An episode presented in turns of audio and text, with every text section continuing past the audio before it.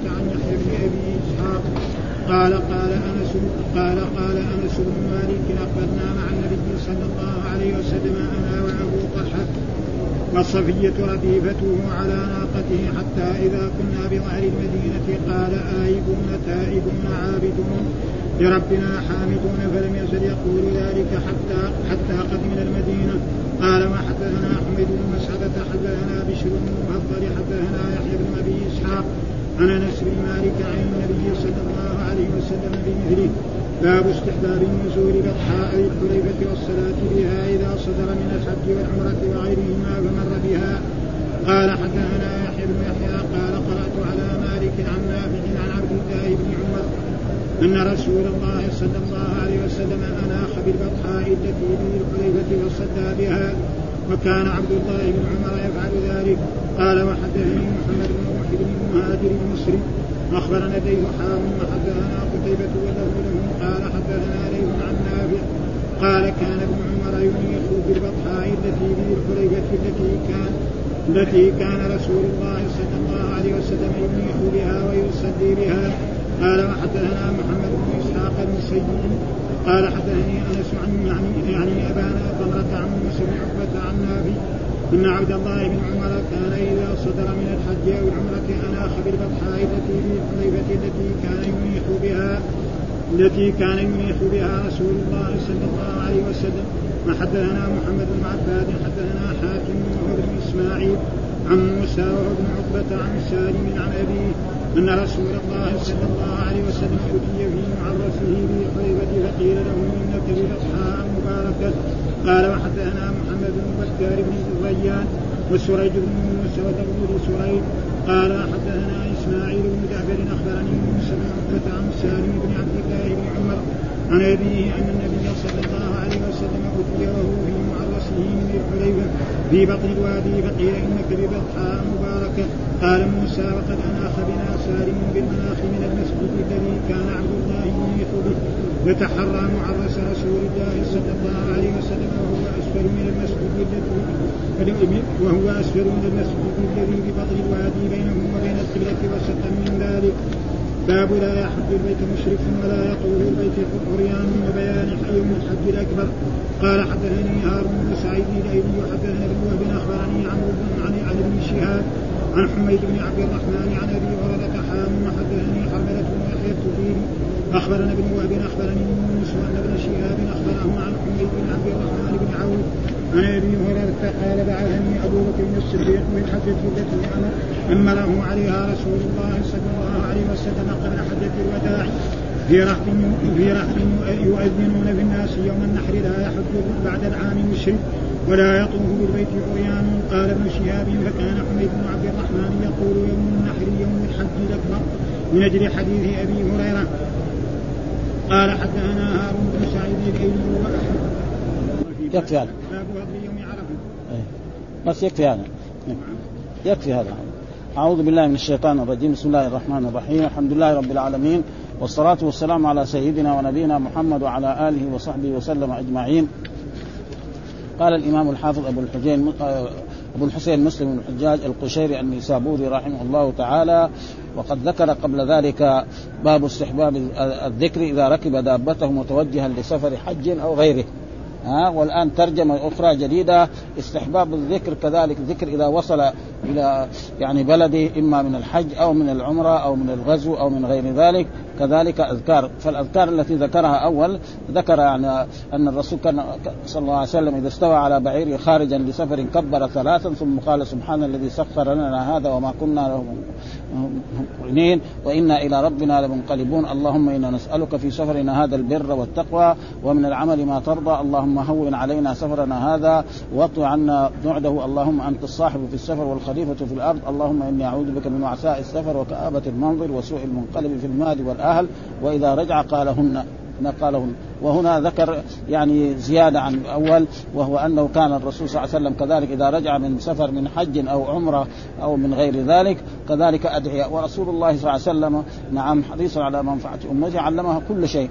حتى أشياء الأشياء البسيطة علمه حتى جاء عن رجل أنه علمنا الخراءة ها علمنا الخراءة الخراءة آداب دخول المسلم يبغى يدخل الخلاء قبل أن يدخل يقول اللهم إني أعوذ بك نعم من الخبث والخبائث نعم وكذلك إذا خرج بعد ما يخرج كذلك يقول غفرانك ويقول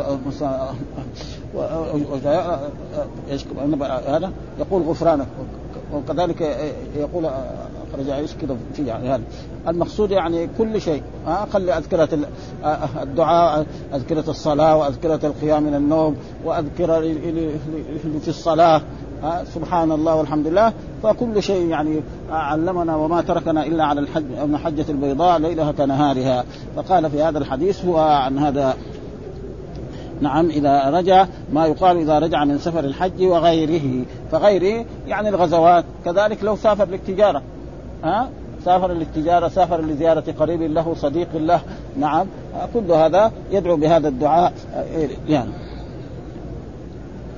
و وقال إيش الدليل على ذلك؟ هذه الأحاديث الذي قال حدثنا أبو بكر بن أبي شيبة حدثنا أبو أسامة حدثنا عبيد الله عن نافع عن ابن عمر حول الإسناد أو حاء. وحدثنا عبيد الله بن سعيد واللفظ له حدثنا يحيى وهو القطان عن عبيد الله عن نافع عن عبد الله بن عبد الله بن عمر قال كان رسول إذا قفل من الجيوش ها من غزو أو السرايا أو الحج إذا وهو اوفى على ثنية. والثنية معناه المرتفع ها كان مرتفع معلوم أن الأرض محل مرتفع كذا اكمه وهناك كذلك محل هكذا يعني نعم أو أو فدفد. والفدفد هو بينوا أنه المراد به الفدفد يعني كل شيء. الموضع الذي فيه غلظ وارتفاع يعني يكون أكبر من إيه؟ يعني من الثنية. يكون فيه يعني شبه وقيل هو الفلاة التي لا شيء فيها وقيل وقيل غليظ الأرض. على كل حال يعني كمان برضه هو مرتفع. فكان الرسول إذا فعل وصل إلى ذلك المكان يقول هذا ويقول آه الله أكبر الله أكبر الله أكبر. وجاء في رواية أخرى أنه يقول الله أكبر مرة. وكل راوي من الصحابة يروي ما سمعه. فإنسان قد ينسى ها؟ فواحد الحين قال هنا كبر ثلاث. جاء في رواية أخرى كبر مرتين ها؟ والكل صادق ها؟ ليه؟ لأن هذاك قد يكون سمع ما سمع الأولى وسمع الثانية والثالثه ويكون المسألة ما فيها. ثم قال لا إله إلا الله وحده. لا إله إلا الله وحده. فوحده يؤكد لفظ الجلال إلا الله. ولا شريك له يؤكد لا إله. هذا معناه. هذا ان كلمة التوحيد لا إله إلا الله. محمد رسول الله. فلا إله يعني لا معبود بحق إلا الله. فإلا الله يؤكده وحده.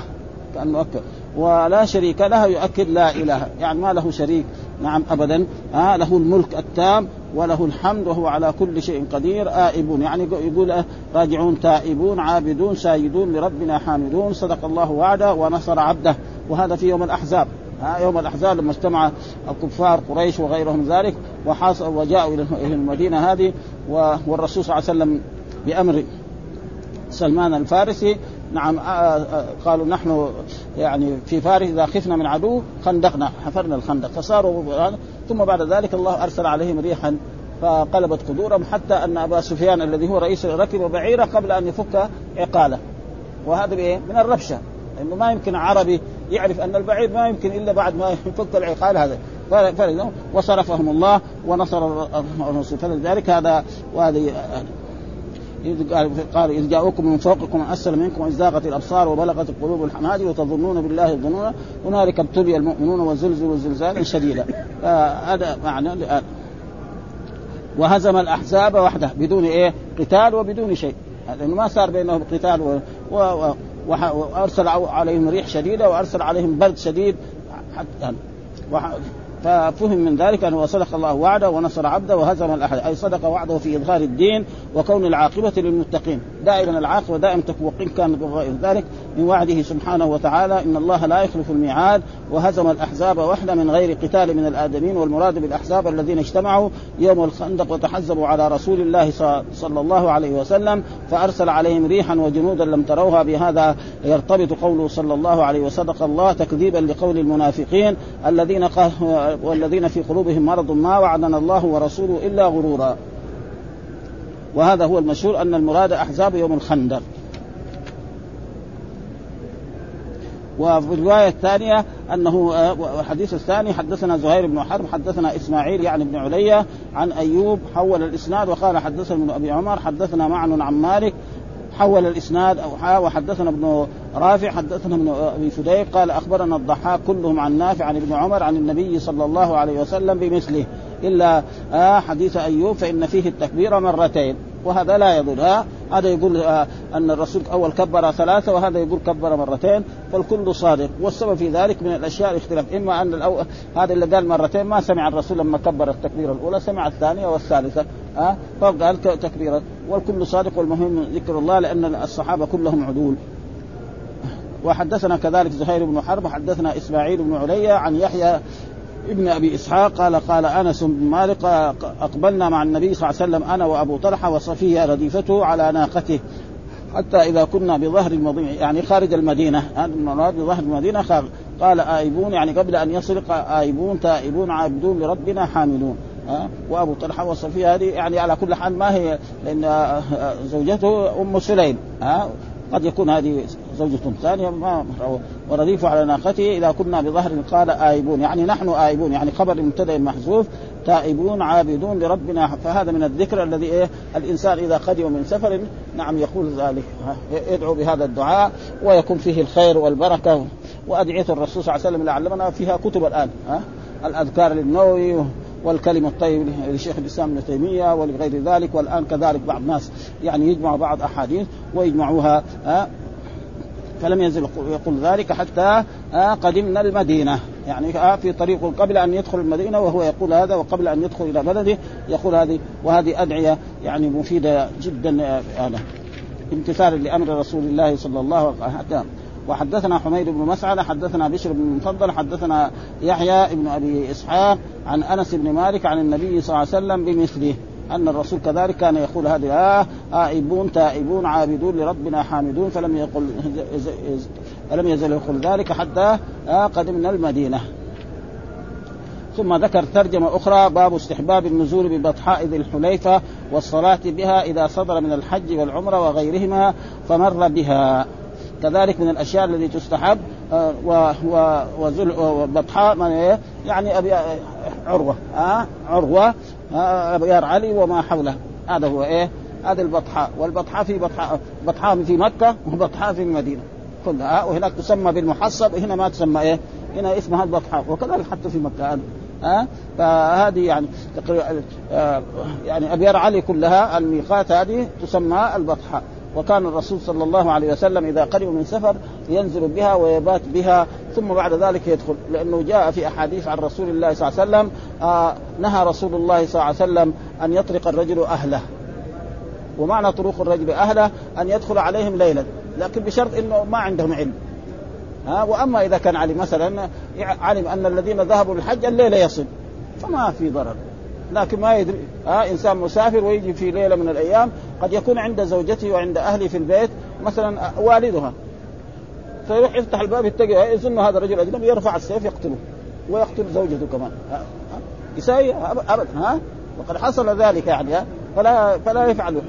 الرسول نهى عن ذلك. فإذا كان عندهم خبر وعندهم علم ها؟ أو دحين في عصرنا هذا اتصل بهم تلفونيا أو أبرق لهم أو غير ذلك فما في بأس يعني بذلك. وأما إذا كان هذا فلذلك الرسول كان ولأنه كذلك أخبر الرسول أنه أتي الرسول وأخبر أن هذا الوادي مبارك. هذا المكان فيه بركة. فلما كان فيه بركة إذا المحل فيه بركة يعمل الإنسان عمل من أعمال الخير صلاة أو ذكر أو غير ذلك فيحصل له الأجر والثواب الحسنه بعشر أمثال إلى سبعمائة ضعف إلى أضعاف كثيرة. فلأجل ذلك باب استحباب النزول ببطحاء ذي الحليفة. ها وذي الحليفة هي ابيار علي وما حولها هذا والصلاة بها سواء كانت صلاة فريضة أو نافلة. ها ومعلوم أن رسول الله صلى الله عليه وسلم حج حجة الوداع يعني وصل إلى ذي الحليفة وصلى بها خمس صلوات. صلى آه يعني العصر والمغرب والعشاء والفجر وكذلك. ودحين كمان لما رجع يعني صلى صلاة سواء كانت فريضة أو نافلة ثم بعد ذلك يتوجه ويدخل المدينة ضحى وكان من عادة رسول الله صلى الله عليه وسلم ومن هدي إذا دخل يدخل ضحى ثم أول قبل لا يدخل داره يدخل إلى هذا المسجد ويصلي. ثم بعد ذلك يدخل إلى ذلك. وهذا كان من السنة التي أنا ها؟ والصلاة بها وإذا صدر من الحج أو والعمرة وغيرهما.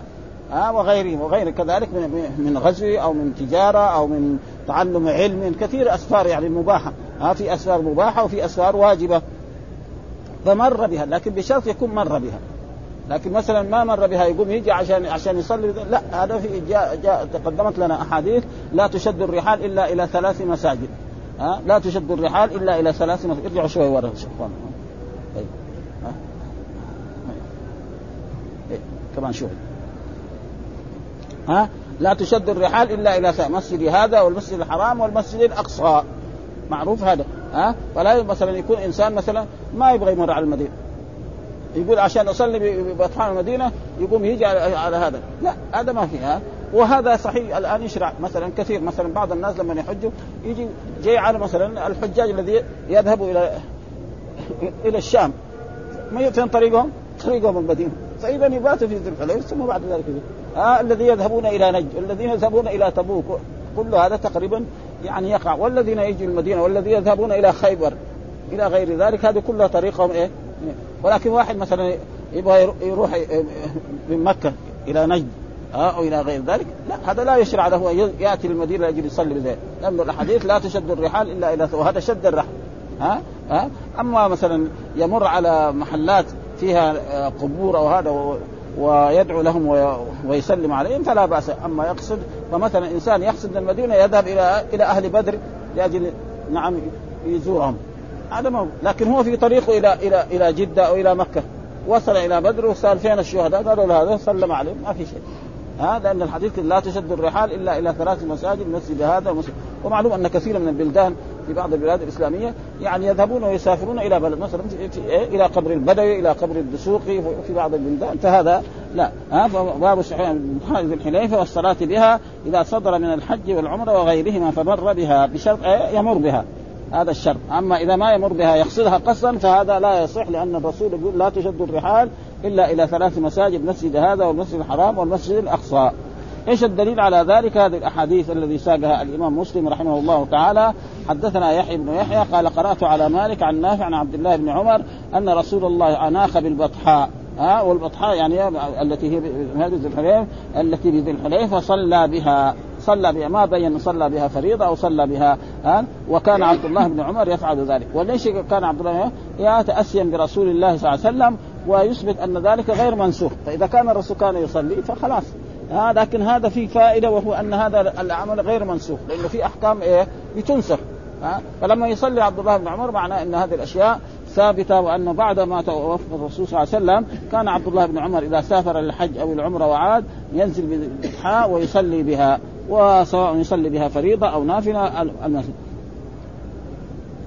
وكان عبد الله بن عمر يفعل ذلك. ومعلوم أن عبد الله بن عمر كان دائما في هذه المسائل يعني إذا كان الرسول نزل في مكان وصلى كان يفعل ذلك.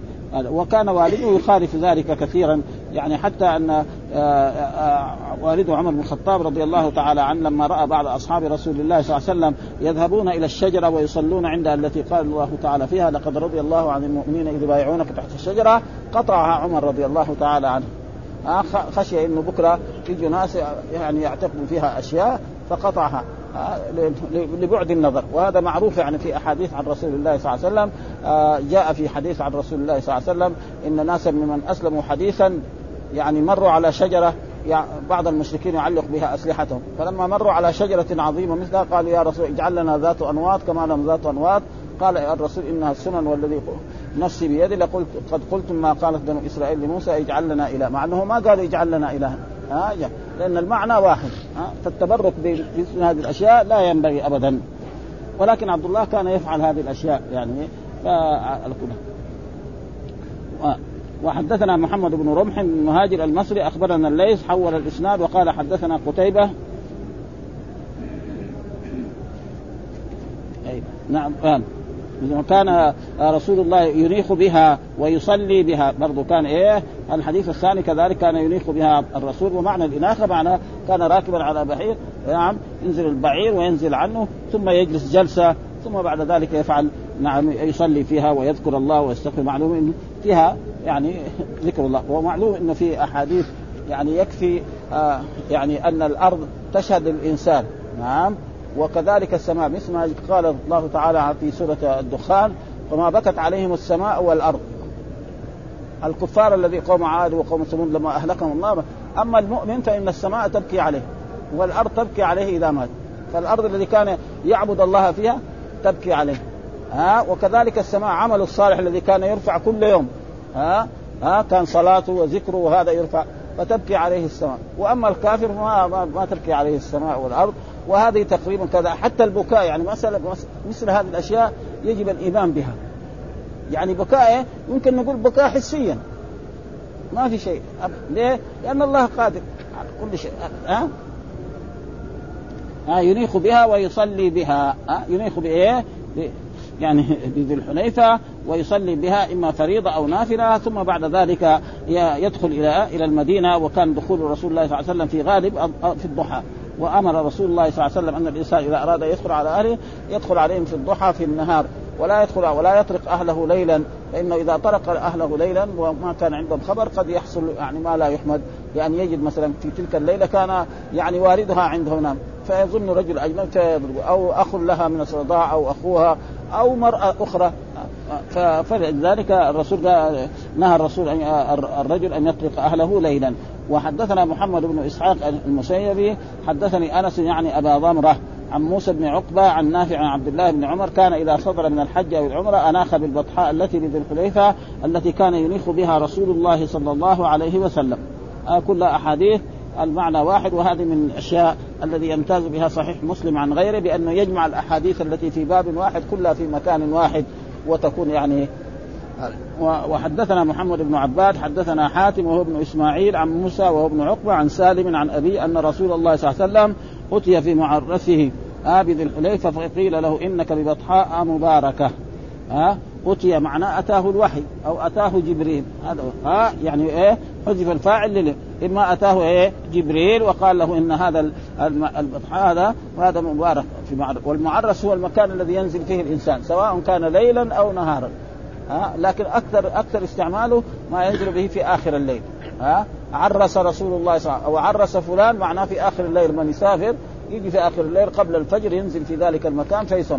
وقد يطلق التعريس على أي مكان ينزله الإنسان. وهنا المراد به يعني هذا فإن رسول الله في معرسه قال أتي. مين أتي؟ معناه أتي الرسول صلى الله عليه وسلم. والذي أتاه إما جبريل أو أتاه الوحي بأي طريقة. فقال له بذي الحليفة قيل له إنك ببطحاء مباركة. ها؟ بطحاء. والبطحاء هي الإيه؟ الوادي المحل الأرض الرملية الكبير بطحاء مبارك. وحدثنا محمد بن بكار ابن الريان وسريح بن يونس واللفظ له لسريح. قال حدثنا إسماعيل بن جعفر أخبرنا موسى بن عقبة عن سالم ابن عبد الله بن عمر عن ابي أن النبي صلى الله عليه وسلم أتي. ها برضه أتي يعني. ها أتاه جبريل. ها أتاه الوحي. ها ثم حذف الفاعل أتي وهو في معرسه من ذي الحليفة ببطن الوادي. ها ببطن الوادي الذي هو وادي بطحاء فقيل إنك ببطحاء مباركة. وقال موسى وقال موسى وقد أناخ بنا سالم بالمناخ من المسجد وكان عبد الله بن عمر سالم وهو ابن عبد الله بن عمر. ها ها مسجد وهو أحد الفقهاء السبعة الذي كان عبد الله ينيخ به ويتحرى معرس رسول الله صلى الله عليه وسلم وهو أسفل من المسجد. يعني ما هو قريب من المسجد يعني بعيد عن المسجد يعني أسفل أسفل من على الجهة يعني الجنوبية وعلى على الجهة على جهة مكة. ها ببطن الوادي بينه وبين القبلة وسطا من ذلك. ها ومعلوم القبلة في في الجنوب يعني في المدينة هنا وفي ابيار علي كذلك. ها فيكون على الجهة الجنوبية. يمكن كان الطريق كذا ذلك الوقت. ثم ذكر آه ترجمة أخرى باب لا لا يحج البيت مشرك ولا يطوف بالبيت عريان. ها ودائما يعني من الأشياء في اللغة العربية أن البيت إذا أطلق المراد به يعني الكعبة. وهذا إيه؟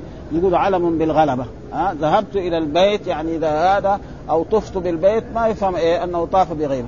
وهذا علم بالغلبة وهذا معروف يعني في اللغة العربية يعني ها؟ زي هذا. وفي كثير من الاشياء مثلا إذا قيل مثلا العقبة العقبة التي في إيه؟ في الأردن. ما يطلق على وإلا العقبة أصله أي طريق في إيه؟ في الجبل. وكذلك مثلا إذا قيل الصحيح هذا الحديث الصحيح معناه صحيح البخاري. ما يحتاج اي أي كتاب مثلا في العلم إذا قال هذا الحديث الصحيح. ما يطلق على صحيح مسلم. صحيح مسلم لازم يقول في صحيح مسلم قاعدة ها؟ وهذا معروف يعني في وكذلك الكتب. ها؟ مثلا تجد مثلا بعض الفقهاء مثلا يكون حنبلي أو شافعي أو هذا يعني بعض يذكر. مثلا إذا في كتب الحنابلة قال إذا قال الشيخ ابن تيمية خلاص هذا معروف.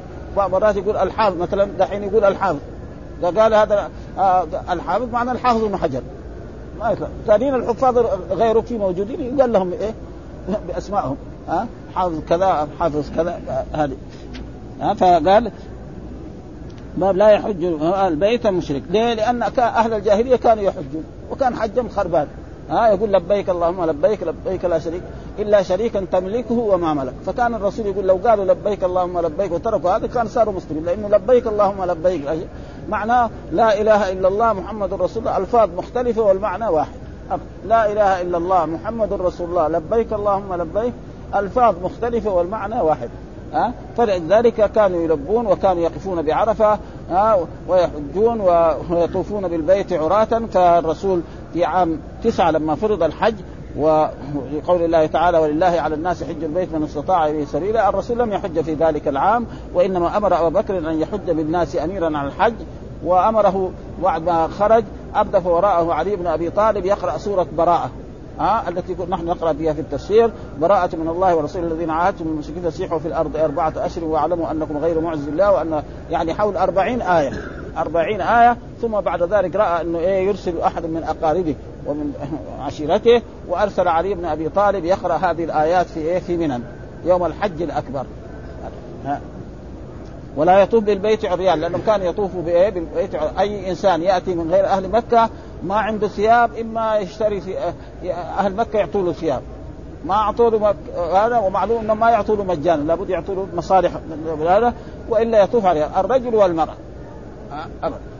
فالرسول ما حب في ذلك العام ثم بعد ذلك عريان وبيان أن يوم الحج الأكبر يوم الحج الأكبر أصح الأقوال أنه يوم يوم النحر يوم عشر من ذي الحجة. وهناك من العلماء من يقول أنه يوم عرفة ولكن أصح الأقوال لأن علي بن أبي طالب ما قرأ هذه الآيات إلا في براءة إلا في يوم النحر. يعني ما قرأها في عرفة. وهذا دليل واضح على. ورأينا ابن القيم يقول هذا يقول آه ان أن الحجاج لما الرسول وأصحابه لما وقفوا بعرفة نعم و نعم وغفرت ذنوبهم يعني سمح لهم بالدخول إلى بيته ها حتى إيه؟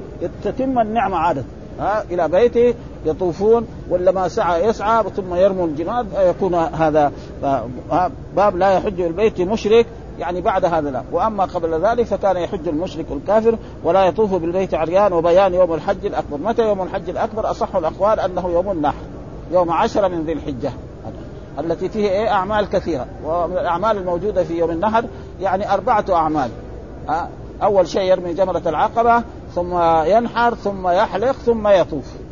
وإذا رتبها كذلك فهذا حسن. وإذا قدم شيء على شيء فلا بأس فإن رسول الله تقدم لنا أحاديث أن الصحابة كان بعضهم قدم شيء فكانوا يسألون الرسول صلى الله عليه وسلم فيقول افعل ولا حرج إيش الدليل على ذلك؟ هذه الأحاديث الذي ساقها الإمام مسلم رحمه الله تعالى حدثنا هارون بن سعيد الأيلي حدثنا ابن وهب أخبرني عمرو عن ابن شهاب عن حميد بن عبد الرحمن عن أبي هريرة حول الإسناد يعني الشيخ لمسلم كمان يعني الحديث الثاني حدثه وحدثني حرملة بن يحيى التجيبي أخبرنا ابن وهب أخبرني يونس أن ابن شهاب ها وهو يعني ابن شهاب ومحمد بن مسلم الزهري مرة يقول ابن شهاب مرة يقول الزهري هو واحد شخص واحد ها هنا يقول ابن شهاب مرة يقول الزهري مرة يقول محمد بن مسلم مين هو ده؟ هو واحد شخص. وهو شيخ المحدثين في الحجاز. جميع العلماء الذين أخذوا الحديث من التابعين هم شيخهم إيه؟ ابن ابن شهاب كمالك والشافعي وغير ذلك. أخبره, أخبره عن عن حميد بن عبد الرحمن بن عوف عن أبي هريرة قال بعثني أبو بكر الصديق في الحجة التي أمره عليها رسول الله صلى الله عليه وسلم. عبد الرحمن بن عوف عن أبي هريرة. وأبي هريرة هو الذي بعثني أبو بكر الصديق في الحجة التي أمره عليها رسول الله وهي عام تسعة من هجرته صلى الله عليه وسلم. قبل حجة الوداع. آه قبل حج. وحجة الوداع كانت في عام عشرة من هجرته صلى الله عليه وسلم. وسميت حجة الوداع لأن الرسول نعم ودع الناس فيها وقال لعلي لأن ألقاكم بعد عامي هذا. ها؟ قال خذوا عني مناسككم لعلي لا. وكان الأمر كذلك. فإن الرسول بعد ما عاد من حجة الوداع ما عاش إلا بضعا وثمانين ليلة. بس. ها؟ بقية الحجة والمحرم وصفر وفي اليوم الثاني عشر من شهر ربيع الأول انتقل إلى الرفيق الأعلى. ومعنى مات كما يموت البشر لأن المهمة التي جاء من أجلها تمت. ها؟ 23 سنة. قائم بالدعوة ها؟ أخرج الناس من الظلمات إلى النور. فبقيت مهمة مين؟ مهمة أصحابه رضوان الله تعالى عليهم وقاموا بهذه المهمة خير قيام. أبو بكر آه قاتل المرتدين قاتل مانع الزكاة جاء عمر رضي الله تعالى ملأ الأرض عدلا وكذلك عثمان وكذلك علي ثم بعد ذلك الرسول أخبر أن الخلافة بعدي ثلاثون وصدق رسول الله. الرسول توفي عام 11 وعلي بن أبي طالب استشهد عام 40 هذا خلاف. والباقي إيه؟ ملكه ها آه ملوك ملوك الدنيا. ثم جاءنا في عصرنا هذا الجمهوريات هذا. والجمهوريات أخس وأخس. ها؟ ابدا ها؟ ما كلها أه؟ ما هو يعني خلافة. ها؟ وكانت خلافة تماما يعني. وحتى بعدين لما كان خلافة يعني ما كانت على زي ما كان خلافة أصحاب رسول الله. ها؟ كان عندهم من العدل وكان عندهم من الإنصاف إلى غير ذلك. ف ها قبل حجة الوداع ها في رهط. الرهط معناه الجماعة من ثلاثة إلى عشرة. ها وكانت تسعة رهط يفسدون في الأرض ولا ها وكذلك النفر. ها النفر كذلك النفر مو واحد. ها وذلك قل اوحي الي أنه استمع نفر من الجن. وكذلك البضع. ها من ثلاثة إلى عشرة. والرهط هو هذا. ها كم؟ يعني في رهط جماعة. وقد يكون أكثر من هذا لأنه ما يكفي. نعم الرهط إيه؟ في رهط يؤذنون في الناس يوم النحر الا يحج بعد العام مشرك ولا يطوف بالبيت عريان. ها يؤذنون يعني يعلمون. ها جماعة جالسين في قيامهم يجوا أن رسول الله صلى الله عليه وسلم أمر أنه لا يحج بعد العام مشرك ولا يطوف بالبيت عريان. ها عام إيه؟ عشر من هجرته في يوم النحر والأيام التي بعدها والسبب في ذلك ويقرؤون سورة براءة. آه التي فيها تقريبا حول أربعين آية من أول السورة. براءة من الله ورسوله الذين عاهدتم من المشركين فسيحوا في الأرض أربعة أشهر واعلموا أنكم غير معجز الله وأن الله يخزي الكافرين. وأذان من الله ورسوله إلى الناس يوم الحج الأكبر. من الله بريء من المشركين ورسوله. فإن تفتوا إلى آخر وإن أحد من المشركين استجارك فأجره حتى يسمع كلام الله. بعدين فإن تابوا وأقاموا الصلاة إلى هذه الآيات. تقريبا أربعين آية. وبعدين الآيات الباقية نزلت في إيه؟ في مهمات هذا. وحدثنا حميد بن مسعدة حدثنا بشر بن المفضل حدثنا يحيى بن أبي إسحاق عن أنس بن مالك رضي الله بمثله ها أن الرسول أرسل علي بن أبي طالب وجمع معه جماعة أنه لا وهذا مصداق إيه؟ قول الله تعالى يا أيها الذين آمنوا إنما المشركون نجس فلا يقربوا المسجد الحرام بعد عامهم هذا والمراد بالمسجد الحرام يعني الحرم كله ومعلوم الحرم في مكة ليس الحرم بس يعني المسجد ها فمكة لها حدود من جهتها الأربع ها من جهتها الأربع. مثلا من جهه من جهة جدة في حول 40 كيلو 20 كيلو. ها وكذلك من جهة عرفة معروف. ها يعني تقريبا إلى قرب إيه يعني عرنة من الايه من الحرم أو من خارج من الحرم. وكذلك من الجهات الثانية. فالمراد هذا يعني لا تمكن الكفار والمشركين من دخول مكة ابدا. هذا هذا هو الصحيح. وهناك بعض المفسرين رأينا في بعض كتب التفسير لا تمكنوه من الحج الحج الذي حق الجاهليه والصحيح أنه لا لا يدخل ها؟ لا يجوز يعني الدولة أو يدخل الكفار والمشركين في حرم مكة ابدا. وذكر هنا نقرأ الشيء الذي ذكره آه قال ابن شهاب وكان حميد بن عبد الرحمن يقول يوم النحر يوم الحج الأكبر من أجل حديث أبي هريرة. ومعنى قول حميد بن عبد الرحمن الله تعالى قال وأذان من الله ورسوله إلى الناس يوم الحج الأكبر ففعل أبو بكر وعلي وأبو هريرة وغير من الصحابة هذا الأذان. والأذان معناه الإعلام. ها؟ هذا. يعني زي ما الإعلام فيها. يوم النحر. ها؟ بإذن النبي صلى الله عليه وسلم في أصل الأذان. والظاهر أنه عين لهم يوم النحر فتعين أنه يوم الحج الأكبر لأن معظم المناسك فيه وهي أربع أعمال من أعمال الحج. ها؟ رمي جمرة العقبة والنحر والحلق والطواف. وأما الأيام الثانية فيها واحد واحد. مثلا يوم عرفة فيها الوقوف بعرفة. يعني من الأشياء المؤكدة التي هي واجبة. وقد اختلف العلماء في المراد بيوم الحج الأكبر فقيل يوم عرفة وقال مالك والشافعي والجمهور هو يوم النحر ونقل القاضي عياض عن الشافعي أنه يوم عرفة وهذا وهذا خلاف خلاف خلاف معروف. وهذا الخلاف المعروف من مذهب الشافعي. قال العلماء وقيل الحج الأكبر نعم الاحتراز من الحج الأصغر وهو العمرة. والصحيح لا. ان يوم الحج الأكبر هو يوم النحر. ها لأنه يقال الحج أكبر هو الحج والعمرة حج أصغر. والصحيح بهذا. واحتج من قال أنه يوم عرفة بالحديث المشهور الحج عرفة. ها وهذا. وقوله صلى الله عليه وسلم لا يحج بعد العام مشرك. موافق قوله تعالى إنما المشركون نجس فلا يقرب المسجد الحرام بعد عام. وهذا المراد والمراد بالمسجد الحرام ها هنا الحرم كله. فلا يمكن مشرك من دخول الحرم بحال حتى لو جاء في رسالة أو أمر مهم لا يمكن من الدخول بل يخرج إليه. أي يخرج إليه الحكام والعلماء ويتناقشوا معه يعني خارج إيه؟ وأما حرم المدينة فالظاهر كذلك الحكم كذلك.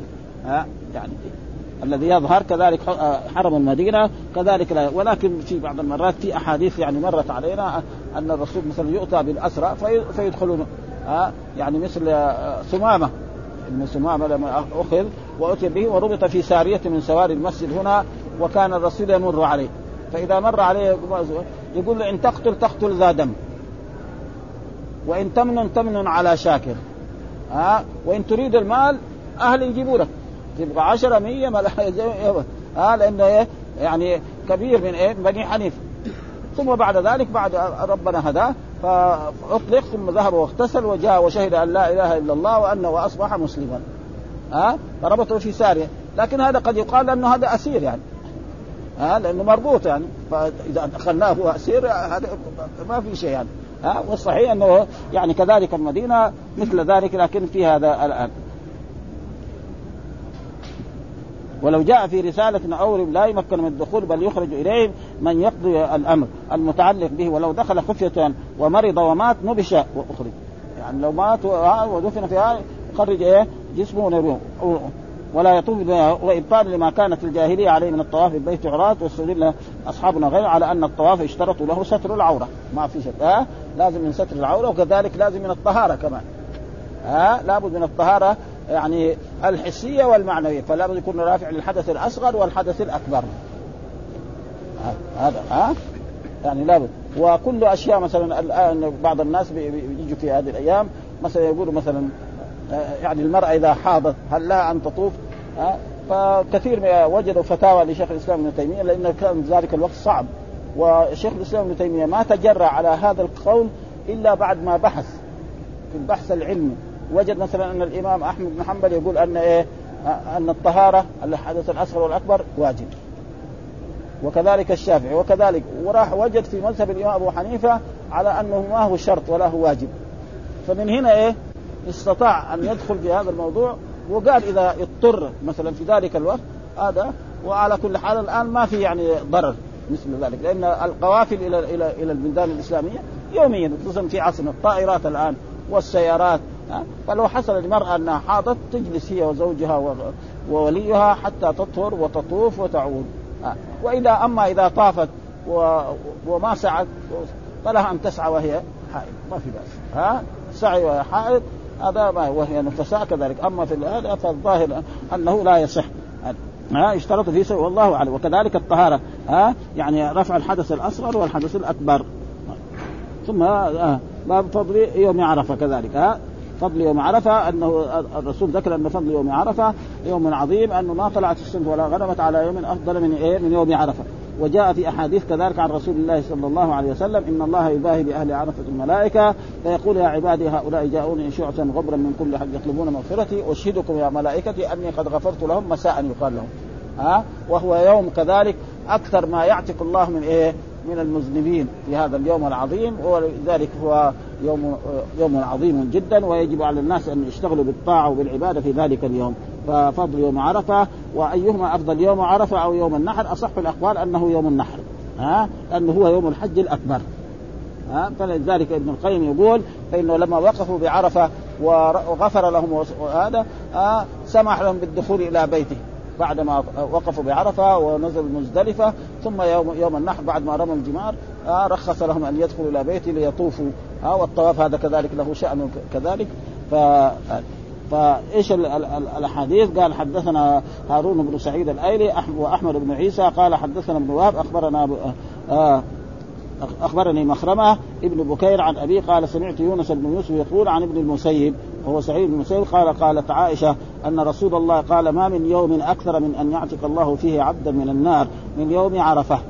ها؟ إن الله يعتق في يوم عرفة قال يعني لا يعد ولا يحصى ابدا. ها؟ ويقال كذلك نعم يعني افيدوا لكم ها؟ مغفورا لكم وفي من شفعتم فيه حتى أهل الموقف يشفع في إيه؟ في الناس الآخرين من أقاربهم ومن إخوانهم وكان هذا يوم عظيم جدا فيجب على الحجاج أن يجتهدوا في الطاعة وفي بس ما يجتهدوا في الأكل وفي الشرب وفي الراحة بعض بعض الناس ولا كأنهم في الحج يعني فكان يجب إيه؟ أن يظهر وعلى كل حال يعني الآن في هذه الأزمان أحسن مما كان عليه. والا أول كان زمان نحن الناس يجيبوا الروادي ويجيبوا الأشياء. يعني هذا قل يعني الآن في هذه السنوات. ما هو مثل الناس يعني في في وعي وفي أشياء يعني طيبة يعني ها؟ يعني ما تسمع مثلا أغاني في عرفه في هذه السنوات الأخيرة يعني ما في يعني وإلا أول كان فيها ها؟ فإيش الدليل؟ قال تعالى ما من يوم أكثر أن يعتق الله فيه عبدا من النار من يوم وإنه ليدنو. آه ثم يباهي بهم الملائكة فيقول ما أراد هؤلاء؟ فيقول فيقول هؤلاء عبادي جاءوني شعثا غبرا من كل حج يطلبون مغفرتي أشهدكم يا ويوم عرف إنه ليدنو. آه آه الإمام آه يعني النووي يعني اول الصفات كثيرا. يعني فهنا يعني في هذا يعني أولها يعني معنى إيش كيف هذا؟ ونحن لا نؤول أحد الصفات للرب سبحانه. هذا الحديث ظاهر في الدلالة في فضل يوم عرفة وهو كذلك ولو قال رجل ولو قال رجل امرأتي طارق في أفضل الأيام فلاصحابنا وجهان؟ يعني رجل قال زوجتي طالق في أفضل الأيام. اي أي يوم؟ يوم الجمعة ولا يوم عرفة؟ بعضهم يقول يوم الجمعة وبعضهم يقول يوم عرفة. هذا هذه مسألة ما لها علاقة. حافظوا وكذلك ولو قال وجهان. أحدهما تطلق يوم الجمعة. لقوله صلى الله عليه وسلم خير يوم طلعت فيه الشمس يوم الجمعة. كما سبق في صحيح وأصحها يوم عرفة للحديث المذكور في هذا الباب. ويتأول حديث يوم الجمعة على أنه أفضل أيام الأسبوع. ومعلوم أن الأيام فيها أيام الأسبوع أفضلها كم؟ آه يوم الجمعة. مثلا الشهور أفضلها شهر رمضان. الليالي مثلا ليلة القدر. الأيام يجي مثلا أيام النحر مثلا أيام النحر يعني أيام منى ويوم عرفة كذلك. وهنا ومعنى يدنو في هذا الحديث تدنو رحمته. وهذا الإمام النووي وغير كثير من العلماء يعني اول الصفات ورحمهم الله. نحن لا نرى يعني مذهب أهل السنة بعدم تأويل الصفات. أي شيء يعني يعني يصف الرب تدنو دنوا يليق بجلاله وعظمته. خلاص ولا نحتاج لشيء. ها؟ وقد مر علينا مرة من المرات ونحن نقرأ في هذا الدروس أن لما خلق الله الرحم نعم وقال تحبون أن أصل من اصل قال أخذت بحق الرحمن. أنا حقيقة توقفت. حق الرحمن يعني في نفسي يعني حق الرحمن. حق الرحمن معناه يعني مربط الإزار. نحن نقول هذا يعني حقه يليق بجلال الله وعظمه ولا نحتاج نأول ولا شيء. زي السمع وزي البصر؟ لأنه سمعه غير بصر الإنسان و ولا لأنه إذا دخلنا في شيء أبدا. سواء كان صفة أو اسم من أسماء الله تعالى فهو له معنى خاص لا يليق ولذلك هو حين يدنو يعني أول. ورحم الله الإمام النووي ورحم كثير من العلماء المتقدمين يأولون الصفات وليس عليهم شيء. لأنه لو كان بحث معهم هذا بحث هذا؟ لأنه في هذاك القرون كانت تقريبا آه، مذهب أهل السنة وإيه؟ مذهب الأشعرية والماتريدي. هذا ابدا أما الأول هو اللي كان إيه؟ مصعب يعني يجي الكتب الأولانية آه مثلا آه كتاب ابن خزيمة والصحابة ولا زي ما الإمام مالك لما سئل الاستواء قال الاستواء معلوم والكيف مجهول والإيمان إيش معنى الاستواء؟ يعني العلو. جو المتاخرين يقولوا الاستواء الاستيلاء. وهذا غلط يعني. ها ها حتى شفت أنا في رسالة أبي زيد يقول لما قال يعني إن الله يعني وهو معكم بعلمه قال هذه مأخوذة على الشيخ. شراح رسالة أبي زيد. يعني ما لازم ف يعني ما فمعكم يعني معية معية إما خاصة وإما معية عامة. فمعكم إذا كان المعية العامة معنا بسمعه وبصره يرانا ويسمعنا وإذا كان معية خاصة معنا بالنصر والتأييد زي قوله تعالى ثاني اثنين ما في الغار إذا يقول لصاحبه لا تحزن إن الله معنا. ويصير إيه؟ ما يحتاج يعني آه نؤول الصفات ونقف على آه فهنا يقول هذا الحديث ظاهر الدلالة في فضل يوم عرفة وكذلك قال لو قال ويتأول حديث الجمعة على أنه أفضل أيام قال القاضي أيام قال معنى يعني إيه؟ حصل حصل الأجر ولا وجد يعني وجودا يعني يليق بجلال الله وعظمته ولا يحتاج يعني تأويل هذه الأحاديث وتبقى على ما هي عليه. ها؟ وما سوى قال القاضي يتأول فيه برضو القاضي عياض كذلك ما سبق في حديث النزول ها؟ ينزل ربنا كل ليلة إلى سماء الدنيا. يعني نزولا يليق بجلاله وعظمته. ولا يجي ساي فلسفة يقول كيف ينزل في ال ال ال يعني يعني ثلث الليل الآخر يختلف بالنسبة للأراضي هذا كله ما لنا شغل. نزول يليق بجلاله وهو سوى حديث متواتر كمان. يعني ما هو حديث احاد ها؟ وقد رأيت أنا رسالة لشيخ الإسلام ابن تيمية آه يعني حديث النزول. جاب أحاديث قد إيه كثره نحن لا نؤول هذه الأحاديث ولا شيء آه حديث النزول كما جاء في الحديث الآخر من غيظ الشيطان لما يرى ما تنزل الرحمة قال وقد يريد دنو الملائكة إلى الأرض. وهو يقول يدنو هو. يوم عرف لما يرى من تنزل الرحمة قال وقد يريد دنو الملائكة إلى الأرض أو إلى السماء مما ينزل معه من الرحمة ومباهات الملائكة بهم عن أمره سبحانه وتعالى. قال وقد وقع آه وقع الحديث في صحيح مختصر. وذكره عبد الرزاق في مسند من رواية ابن عمر أن الله ينزل إلى سماء الدنيا فيباهي بهم الملائكة. يقول هؤلاء عبادي جاءوني شعثا غبرا آه من كل حد يرجون رحمتي ويخافون عذابي. ولم يروني فكيف لو رأوني؟ آه ويذكر الحديث ويغفر الله لهم ولمن شفعوا كذلك. يغفر لأهل الموقف وكذلك أهل الموقف إذا شفعوا في إنسان يعني يشفعون لهم. يعني ويكفي هذا. باب إيه؟ فضل الحج والعمرة. والحمد لله رب العالمين وصلى الله وسلم على نبينا محمد وعلى آله وصحبه وسلم.